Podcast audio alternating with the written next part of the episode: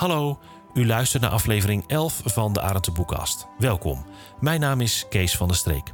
Vandaag duiken we voor het eerst bij de Arendse Boekast echt ver terug de geschiedenis in.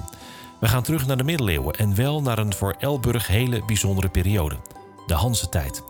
En dat doen we met twee mensen van het streekarchivariaat Noordwest-Veluwe. Rudolf Bos, de streekarchivaris, en Marjelle Bos, educatiemedewerker. En laten we eerlijk zijn, het is natuurlijk hoog tijd dat we aandacht gaan besteden aan de Hanze. Want 2023 is immers een Hanzejaar. Rudolf en Marielle vertellen ons over de belangrijkste kenmerken van dit verbond. En zij plaatsen de Hanze vooral in een juist historisch perspectief. Wat was de Hanze nu wel en vooral ook niet? Voordat u gaat luisteren nog één ding. U hoort tijdens het gesprek vooral als ik praat een enkele keer een achtergrondgeluid... wat ik helaas in de montage niet weg kon krijgen. Ik hoop dat het uw Hanse-gevoel niet wegneemt. Rudolf Bos en Marielle Bos, welkom bij de Arend Boekas. Wat fijn dat jullie bij mij eh, te gast willen zijn eh, vandaag. Uh, twee keer Bos, maar één met uh, SCH en één met alleen S. Dat is ook de enige keer dat ik dit ga benoemen. Maar ik zal jullie gewoon Rudolf en Marielle noemen, als jullie dat goed vinden tenminste. Helemaal goed. Natuurlijk, ja. Goed zo. Um, we gaan het vandaag hebben over, dat, uh, ja, over het, het Hanzejaar. Hè, over de Hanze. 2023 is een Hanzejaar en dat merken we overal in diverse Hanse steden. Um, daar gaan we het over hebben. Maar ik ben toch eerst benieuwd. Um, begin maar even bij jou, Rudolf. Jij bent uh, deskundige over die specifieke periode, historicus. Uh, wat brengt er iemand toe om zich, daar, om zich daarop te gaan richten? Um, ja, dat is een, eigenlijk een lang verhaal. Ik ben sinds 2021 uh, streekarchivaris van het uh, streekarchivariaat Noordwest-Veluwe. Ben opgeleid als historicus aan de Rijksuniversiteit Groningen. En um, ja, ben daar uh, tijdens mijn studie geïnteresseerd geraakt in de, in de middeleeuwse geschiedenis meer specifiek ook sociaal-economische geschiedenis van de middeleeuwen. En ik heb aan de Universiteit Groningen ook een proefschrift geschreven over um, laat-middeleeuwse stadsfinanciën in Gelre. en daar krijg je natuurlijk ook te maken met economische geschiedenis van die Gelderse steden. En ja, dan kom je automatisch ook natuurlijk bij de Hanse geschiedenis van die steden uit. Ja. En via die connectie ben ik eigenlijk ook um, bij het streekarchivariaat Noordwest-Veluwe terechtgekomen, omdat ja, we beheren natuurlijk uh, archieven van uh, onder andere Elburg en Harderwijk, twee uh, Veluwse Hanse-steden, mm -hmm. rijke archieven. En de toenmalige streekarchivaris Hajo de Roo, die wilde daar ook meer aandacht aan, aan besteden. En zodoende ben ik ja, in, in Elburg terechtgekomen. Ja, oké. Okay. Dat is een, een duidelijk verhaal. We gaan er zo meteen natuurlijk inhoudelijk nog, nog uitgebreid op in. Marjelle, hoe zit, hoe zit het met jou? Ja, ik heb ook een historische achtergrond. Ja. Ik heb de leraaropleiding geschiedenis gevolgd. Mm -hmm. En uh, met heel veel plezier. Maar toch niet in het onderwijs terechtgekomen. Maar eigenlijk ja, via via in het archiefwezen beland. En dat vond ik zo leuk dat ik uh, dacht, nou, hier wil ik wel blijven. En um, ja, ook uiteindelijk twee jaar geleden bij het streekarchivariaat Noordwest-Veluwe terechtgekomen. En ik uh, mag me daar elke dag bezighouden met alle PR en educatie. Mhm. Uh -huh. En dat heeft natuurlijk de koppeling met mijn uh, achtergrond als docent. Ja. Uh, hoe breng je ja, die kennis over aan mensen en op wat voor manieren ga je dat doen?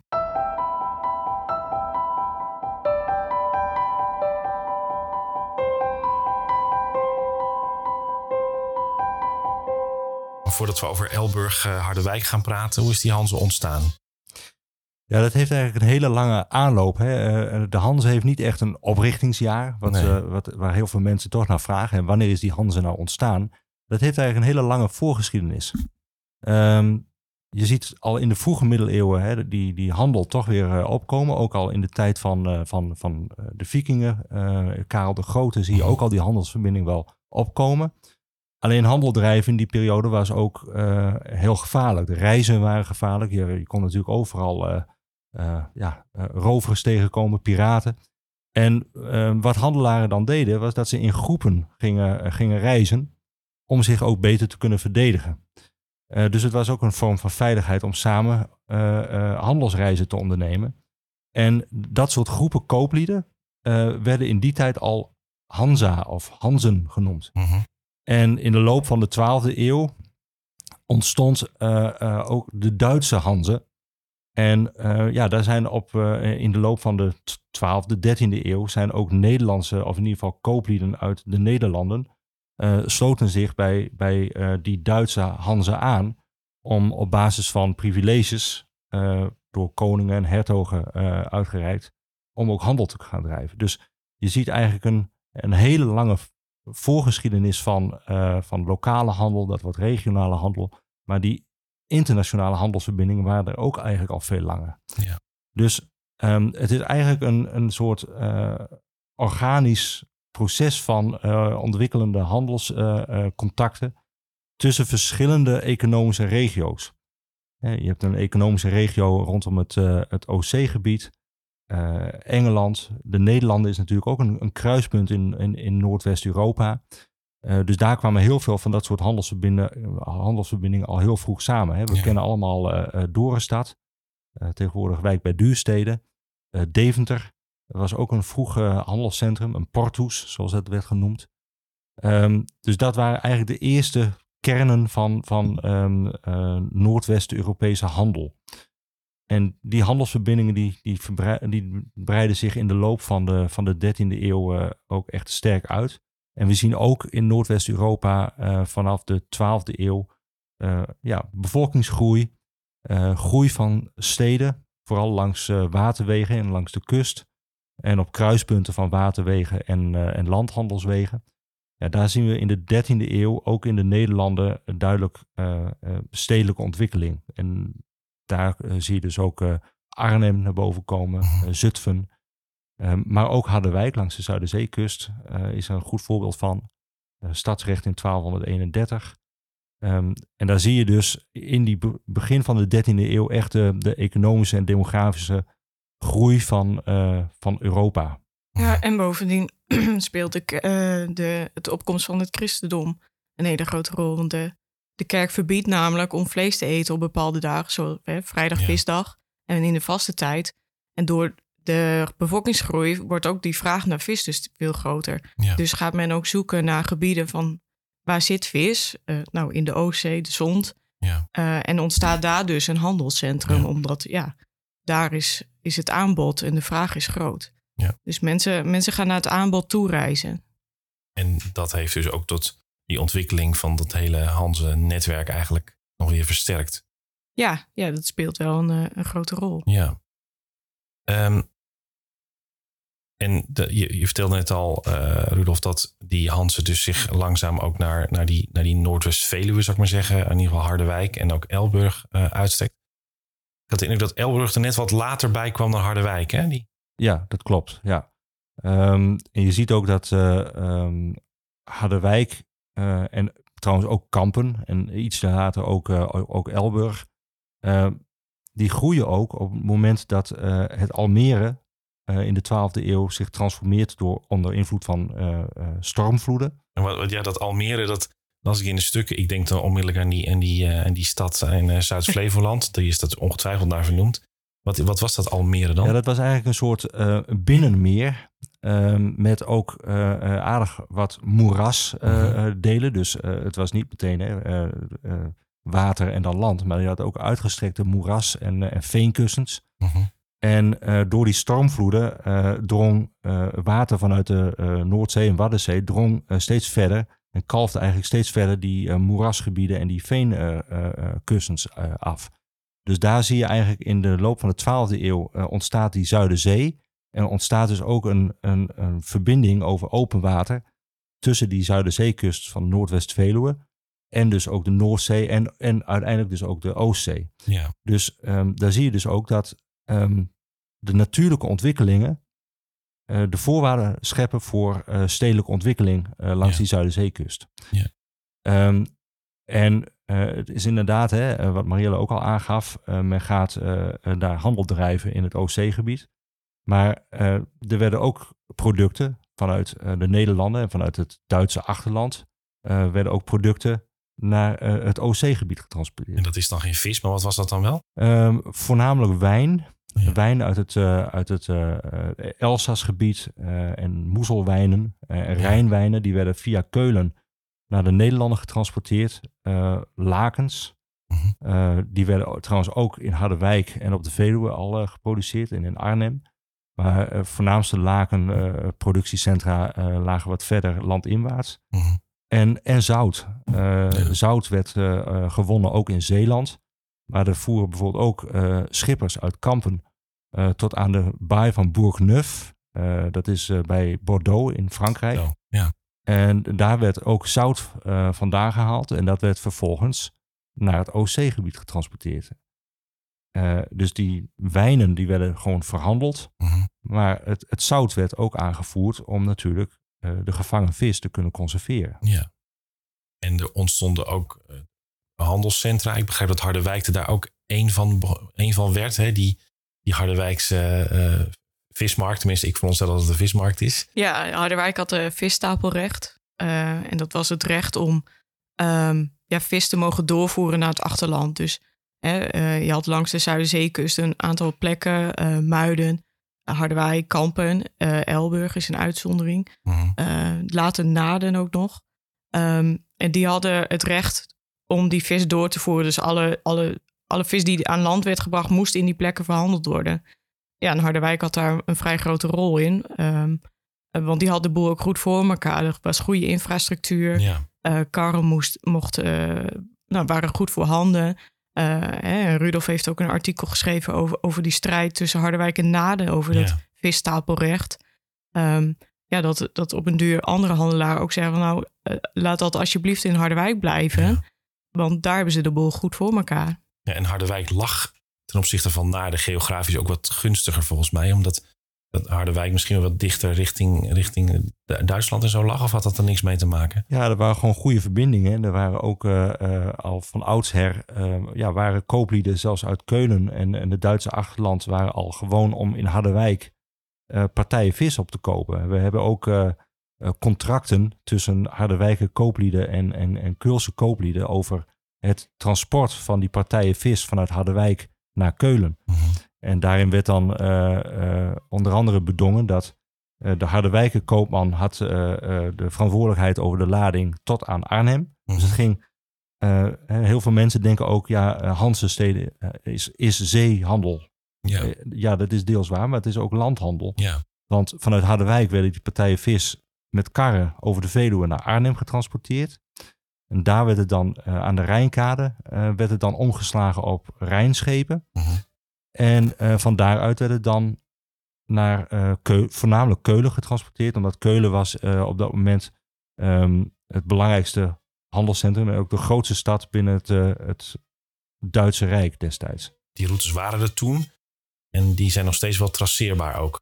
Jazeker. Heel veel mensen kennen natuurlijk de Hessenwegen. Die zijn veel bekender mm vanwege nou ja, de, de karren, dus de brede karrensporen. Ja. Uh, maar vaak zijn die hersenwegen wel een beetje geënt op die, op die handen, Hanse handelswegen. Ja. Um, en we weten niet zo heel veel van die Hanse wegen. Uh, er is niet zo heel veel van bekend. Maar ja, het ligt in de lijn der verwachting dat dat eigenlijk ja, veel wegen die ook door de hessen laat zijn gebruikt. Ja. Um, die zijn wel traceerbaar. Er lopen nog hessen over het uh, defensieterrein bij Leegkamp Oldenbroek. Mm -hmm. um, en dat is ook heel mooi beschreven in het boek over de Dellen. Ehm, van Lodewijk uh, Ronde. Mhm. En dus die, ja, ja dat, die land, landhandel was zeker heel belangrijk. Ik bedoel, hè, het houdt niet op bij een kuststad. Die vis wordt daar niet allemaal alleen maar geconsumeerd. Nee.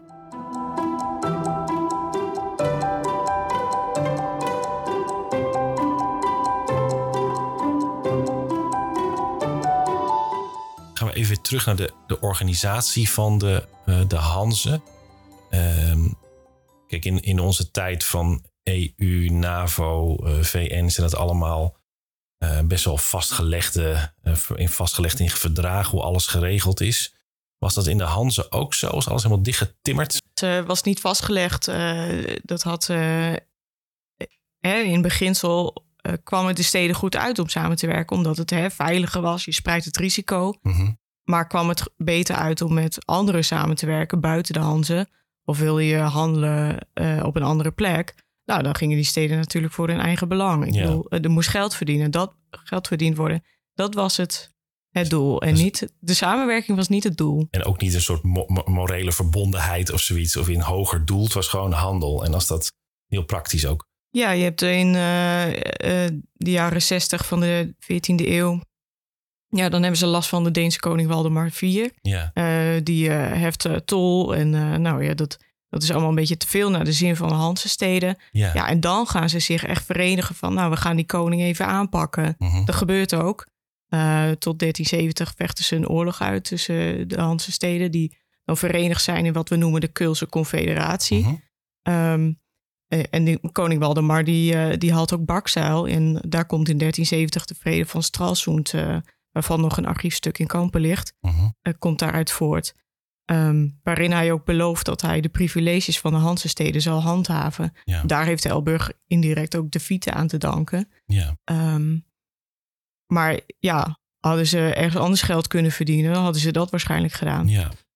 Het was heel erg uh, gericht op het verwerven van inderdaad handelsprivileges. Uh, en die handelsprivileges waren erop gericht om bijvoorbeeld vrijstelling van tolbetaling, het, het geleiderecht bijvoorbeeld werd erin geregeld. Dus dat je bescherming kreeg van een bepaalde landsheer als je door zijn gebied trok. Um, maar die handelsprivileges waren voornamelijk gericht op het, um, het naar beneden brengen van wat we tegenwoordig transactiekosten noemen. Ja. He, dus uh, ja, daar haal je dus uh, economisch voordeel uit als je op die manier uh, handel kunt drijven. Maar die handelsprivileges werden in eerste instantie dus aan dat soort Hanzen, dus aan groepen kooplieden uh, verstrekt. En later, op, op het moment dat die steden op gaan komen, dan worden ze ook specifiek aan een groep handelaren uit één stad uh, geschonken. Dus dan, dan krijgt eigenlijk die stad krijgt zo'n zo'n handelsprivilege. Ja. Um, maar dat is geen handelsprivilege van de Hanze als organisatie, maar nee. het is, zijn gewoon één op één handelsprivileges tussen Hanzesteden of uh, uh, een handelsprivilege van een hertog aan een stad mm -hmm. om in dat gebied handel te drijven. Ja. ja. het is niet zo te vergelijken als we nu met de EU de Schengen-verklaring nee. kennen, hè? dat elk land die daarvoor tekent, dus ook dat recht heeft. Uh, nee, dat, het, het, zou dan vergelijking zijn dat Nederland bijvoorbeeld open grenzen zou hebben, ja. maar Duitsland niet. Nee, eh, nee, en je ziet dus ook dat um, uh, dat is eigenlijk een, het, het, blijft eigenlijk tot diep in de 14e eeuw uh, zo'n heel erg los vast verband. Mhm. En, en ook inderdaad in, uh, in uh, dat soort handelsconflicten waar Marielle het zojuist over had, Mhm. zie je ook dat bepaalde um, regionale stedengroepen, hè, bijvoorbeeld de, de, steden in de Nederlanden, ja, die hebben op bepaalde momenten weer andere handelsbelangen dan de stedengroep aan de, ja, aan de Noord-Duitse uh, Oostzee-kust. En, en die trokken dan ook wel, wel samen op als ze zagen dat ze een gezamenlijk belang hadden? Ja, en dat, dat zie je eigenlijk steeds meer gebeuren. Uh, en in de, in de 15e eeuw uh, ontstaat dan ook echt een, een, een kwartiersindeling van de Hanze. Dus dan Oh, zie ja. je die, die, die stedengroepen, zie je zich uh, ook formeel samenballen tot een, een stedengroep. En de Gelderse en Overijsselse steden die komen dan in het, in het Keulse kwartier terecht. En dan zie je ook dat die Hanze meer geformaliseerd wordt. Uh, en dat vanuit die Hanze-vergaderingen die in Lübeck plaatsvonden, waar dus al die uh, Hanze-steden ja. bijeenkwamen, uh, dat ook wordt gezegd, nou, um, dan wordt, wordt er ook echt formeel lidmaatschap van de Hanze geëist. En dan zie je dat die Hanze eigenlijk naar buiten toe af wordt afgebakend. Mm -hmm. En um, ja, dan beginnen ze ook echt met hun branding, de Hanze ja. als merknaam. Ja. ja. Maar dan zie je eigenlijk al dat dat zijn um, uh, eerste tekenen dat ze zich naar binnen gaan keren, die stedengroepen. He, dus uh, hun eigen belangen binnen die stedengroep uh, prevaleert dan boven het, het gezamenlijke belang van handel drijven. En je ziet dan ook de conflicten, handelsconflicten, zie je ook, ook regionaliseren. Dus er is een bekend voorbeeld van een, een, een conflict van de, de, de Gelderse en de Duitse uh, Hansensteden langs de Rijn uh, met Dordrecht. Uh, Dordrecht was een belangrijke handelsplaats, een stapelmarkt ook in Holland, Mhm. waar um, eigenlijk de, de wijnhandelsroute tussen Keulen en, um, en Holland eindigde. Mhm. Dus alle wijnen die over de Rijn werden getransporteerd, moesten in Dordrecht worden afgezet. Nou, er ontstond een conflict over rond 1438. En dan zie je ook dat uh, die Zuiderzee Hanse-steden gezamenlijk optrekken tegen Dordrecht, maar dan raken ze daarover weer in conflict met de Noord-Duitse Hanse-steden, want die zeggen, ja nee, maar wij hebben handelsbelangen met Holland. Ja. Dus waar zijn jullie nu mee bezig? Dus dan zie je dus ook binnen de Hanze tegengestelde economische belangen. En werden er dat soort geschillen dan beslecht op die Hanse-dagen in Lübeck bijvoorbeeld? Eh, dat, dat kon, ja. maar ze werden ook regionaal opgelost door gewoon ja, onderhandelingen. Mhm. we zien bijvoorbeeld in andere conflicten, dan, dan worden er ook neutrale plaatsen uitgekozen om, om, om te onderhandelen. We hebben bijvoorbeeld ook een conflict wat later in de 15e eeuw, waar dan gezegd wordt, nou we gaan onderhandelen in Nunspeet. Want het is een neutrale plaats tussen, uh, zullen we zeggen, de Gelderse steden en de Overstichtse steden. Dus op die manier zie je ook dat conflictbeheersing uh, een belangrijk onderdeel was van, van de hele Hanze. Niet alleen, uh, zullen we zeggen, veilig kunnen reizen, maar ook het, het beslechten van conflicten tussen steden of tussen stedengroepen. Ja, maar die steden moesten dat ook samen oplossen. Hè? En dan werden vaak steden die buiten dat conflict staan, werden als bemiddelaar ingezet. Er mhm. is bijvoorbeeld uh, een conflict tussen Kampen en de Zeeuwen geweest, uh, Zeeuwen en Hollanders, waarbij Elburg optreedt als bemiddelaar. Oh ja. Um, ja, en dan zie je ook dat zij tekenen als getuige van dit conflict is nu opgelost. Ja, ja. ja. En, um, want, en, en alles wat ik jullie hoor zeggen, ook die conflictbemiddeling en zo, alles is bedoeld om de handel te blijven eh, te, te, te laten floreren. Hè? Dus ja, en, en zoveel mogelijk winstoogmerken. Ik bedoel, ja, eh, dat, dat, eh, in die zin is er niks veranderd. Er moet gewoon geld verdiend worden, punt. Ja. En daar, daarin speelden dus ook weer die privileges een, een, een rol. En er mhm. konden dus ook conflicten ontstaan uh, over, uh, nou inderdaad, tolheffing, maar ook over het betalen van uh, belastingen. Dus accijnzen in steden waren een belangrijke bron van, van inkomsten. Mhm. En dat waren voornamelijk indirecte belastingen op consumptie en productie. Mhm. Eh, wijn en bier werden belast, maar ook graan of brood, zout. In, in, een stad als Arnhem bijvoorbeeld, maar ook in Harderwijk, hadden ze tussen de 10 en 15 verschillende accijnzen. Mhm.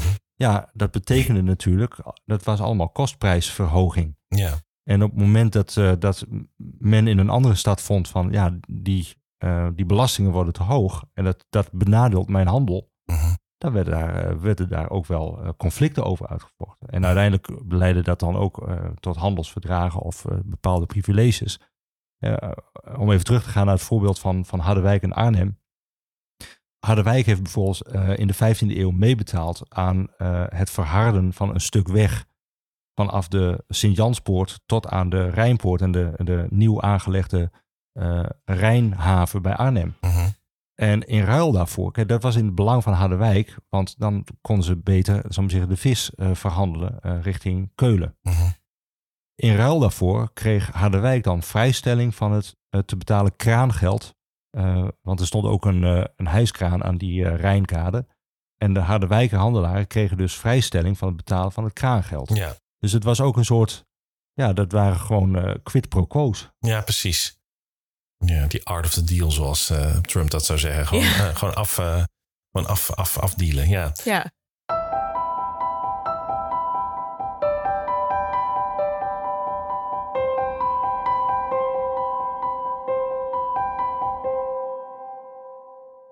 Hadden het in het voorgesprek net even kort over dat er een bepaald beeld ontstaat, bestaat bij ons, hè, zo over die, over die Hanzen.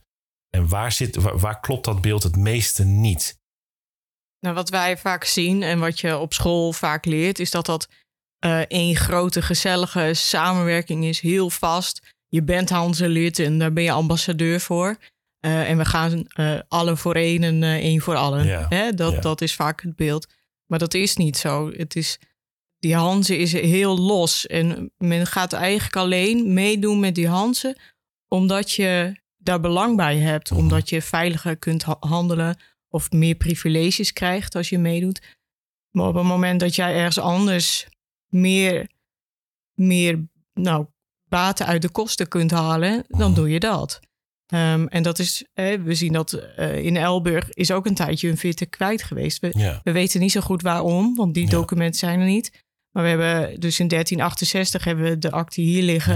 Ja. Dat is de eerste keer dat zij die fiete krijgen. Maar in 1444 is er nog een document waarin um, de koning van Denemarken die fiete weer teruggeeft. Dat helpt ook waarschijnlijk dat hij een achterneef is van de dan toen, hè, de dan hertog van Gelre. Um, maar ja, dat betekent dat Elburg eh, die plek dus ergens, of dat privilege ergens in die tijd kwijt is geweest.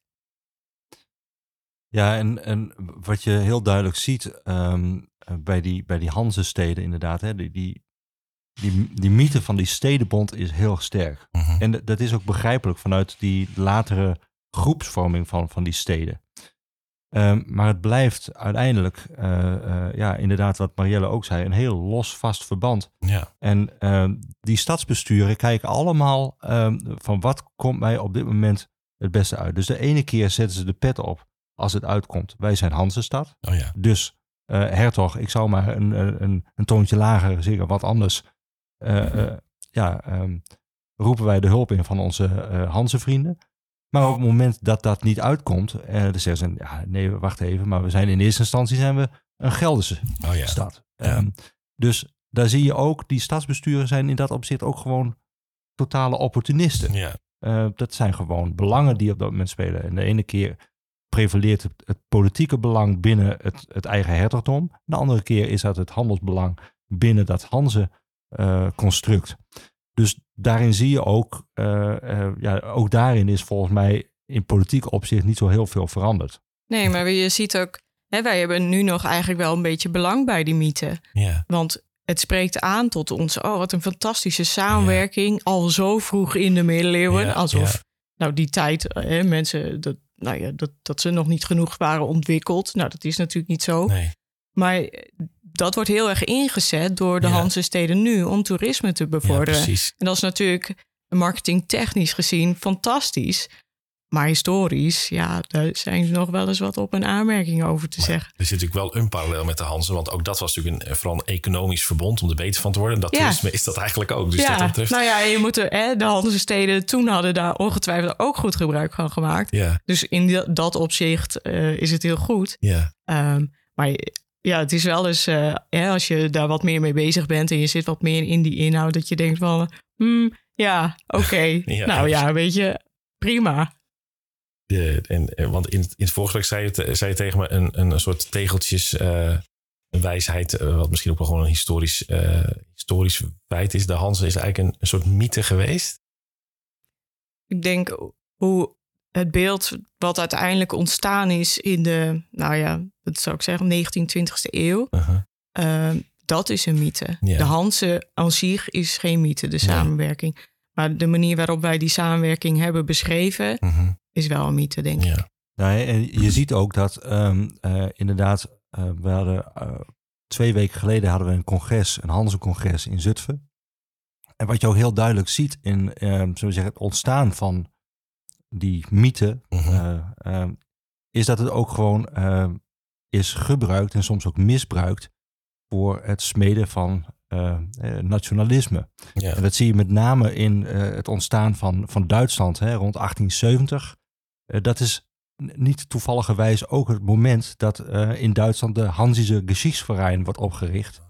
Um, en dat, dat wordt ook duidelijk gebruikt om die Duitse natievorming omdat zou maar zeggen, een, een historisch fundament te geven. En het Hanze wordt dan een vehikel om zou maar zeggen, die Duitse grootsheid uh, neer te zetten. En uiteindelijk in de jaren 20 en 30 van de, van de 20e eeuw zie je ook dat uh, dat Hanse verleden van die Duitse steden ook door het, uh, door het naziregime ook nog weer eens zijn misbruikt om daar, zo zeggen, ook dat, dat groot Duitse construct mee te schragen. Hè? Ja. Ook in Polen lagen uh, heel veel Hanse-steden die veel handel dreven in het Oostzee-gebied.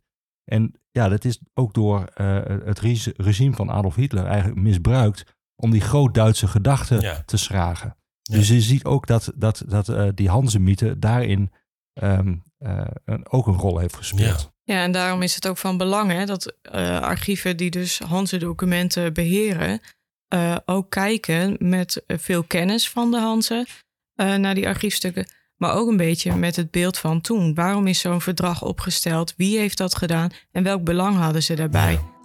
Als je dat, die feitelijkheden kunt beschrijven, um, ja, dan wordt het al wat minder makkelijk om nou, dat te misbruiken. Ja. Zo, ja. En tot zover aflevering 11 van de Arendtboekast. U heeft nu veel gehoord over het ontstaan van de Hanze en de reden waarom het verbond ontstond, maar nu wilt u vast meer weten over de Hanze in Elburg en de Fiete, het handelshuis dat Elburg in Scandinavië had in die tijd. Daar vertellen Rudolf en Marielle in de volgende aflevering over.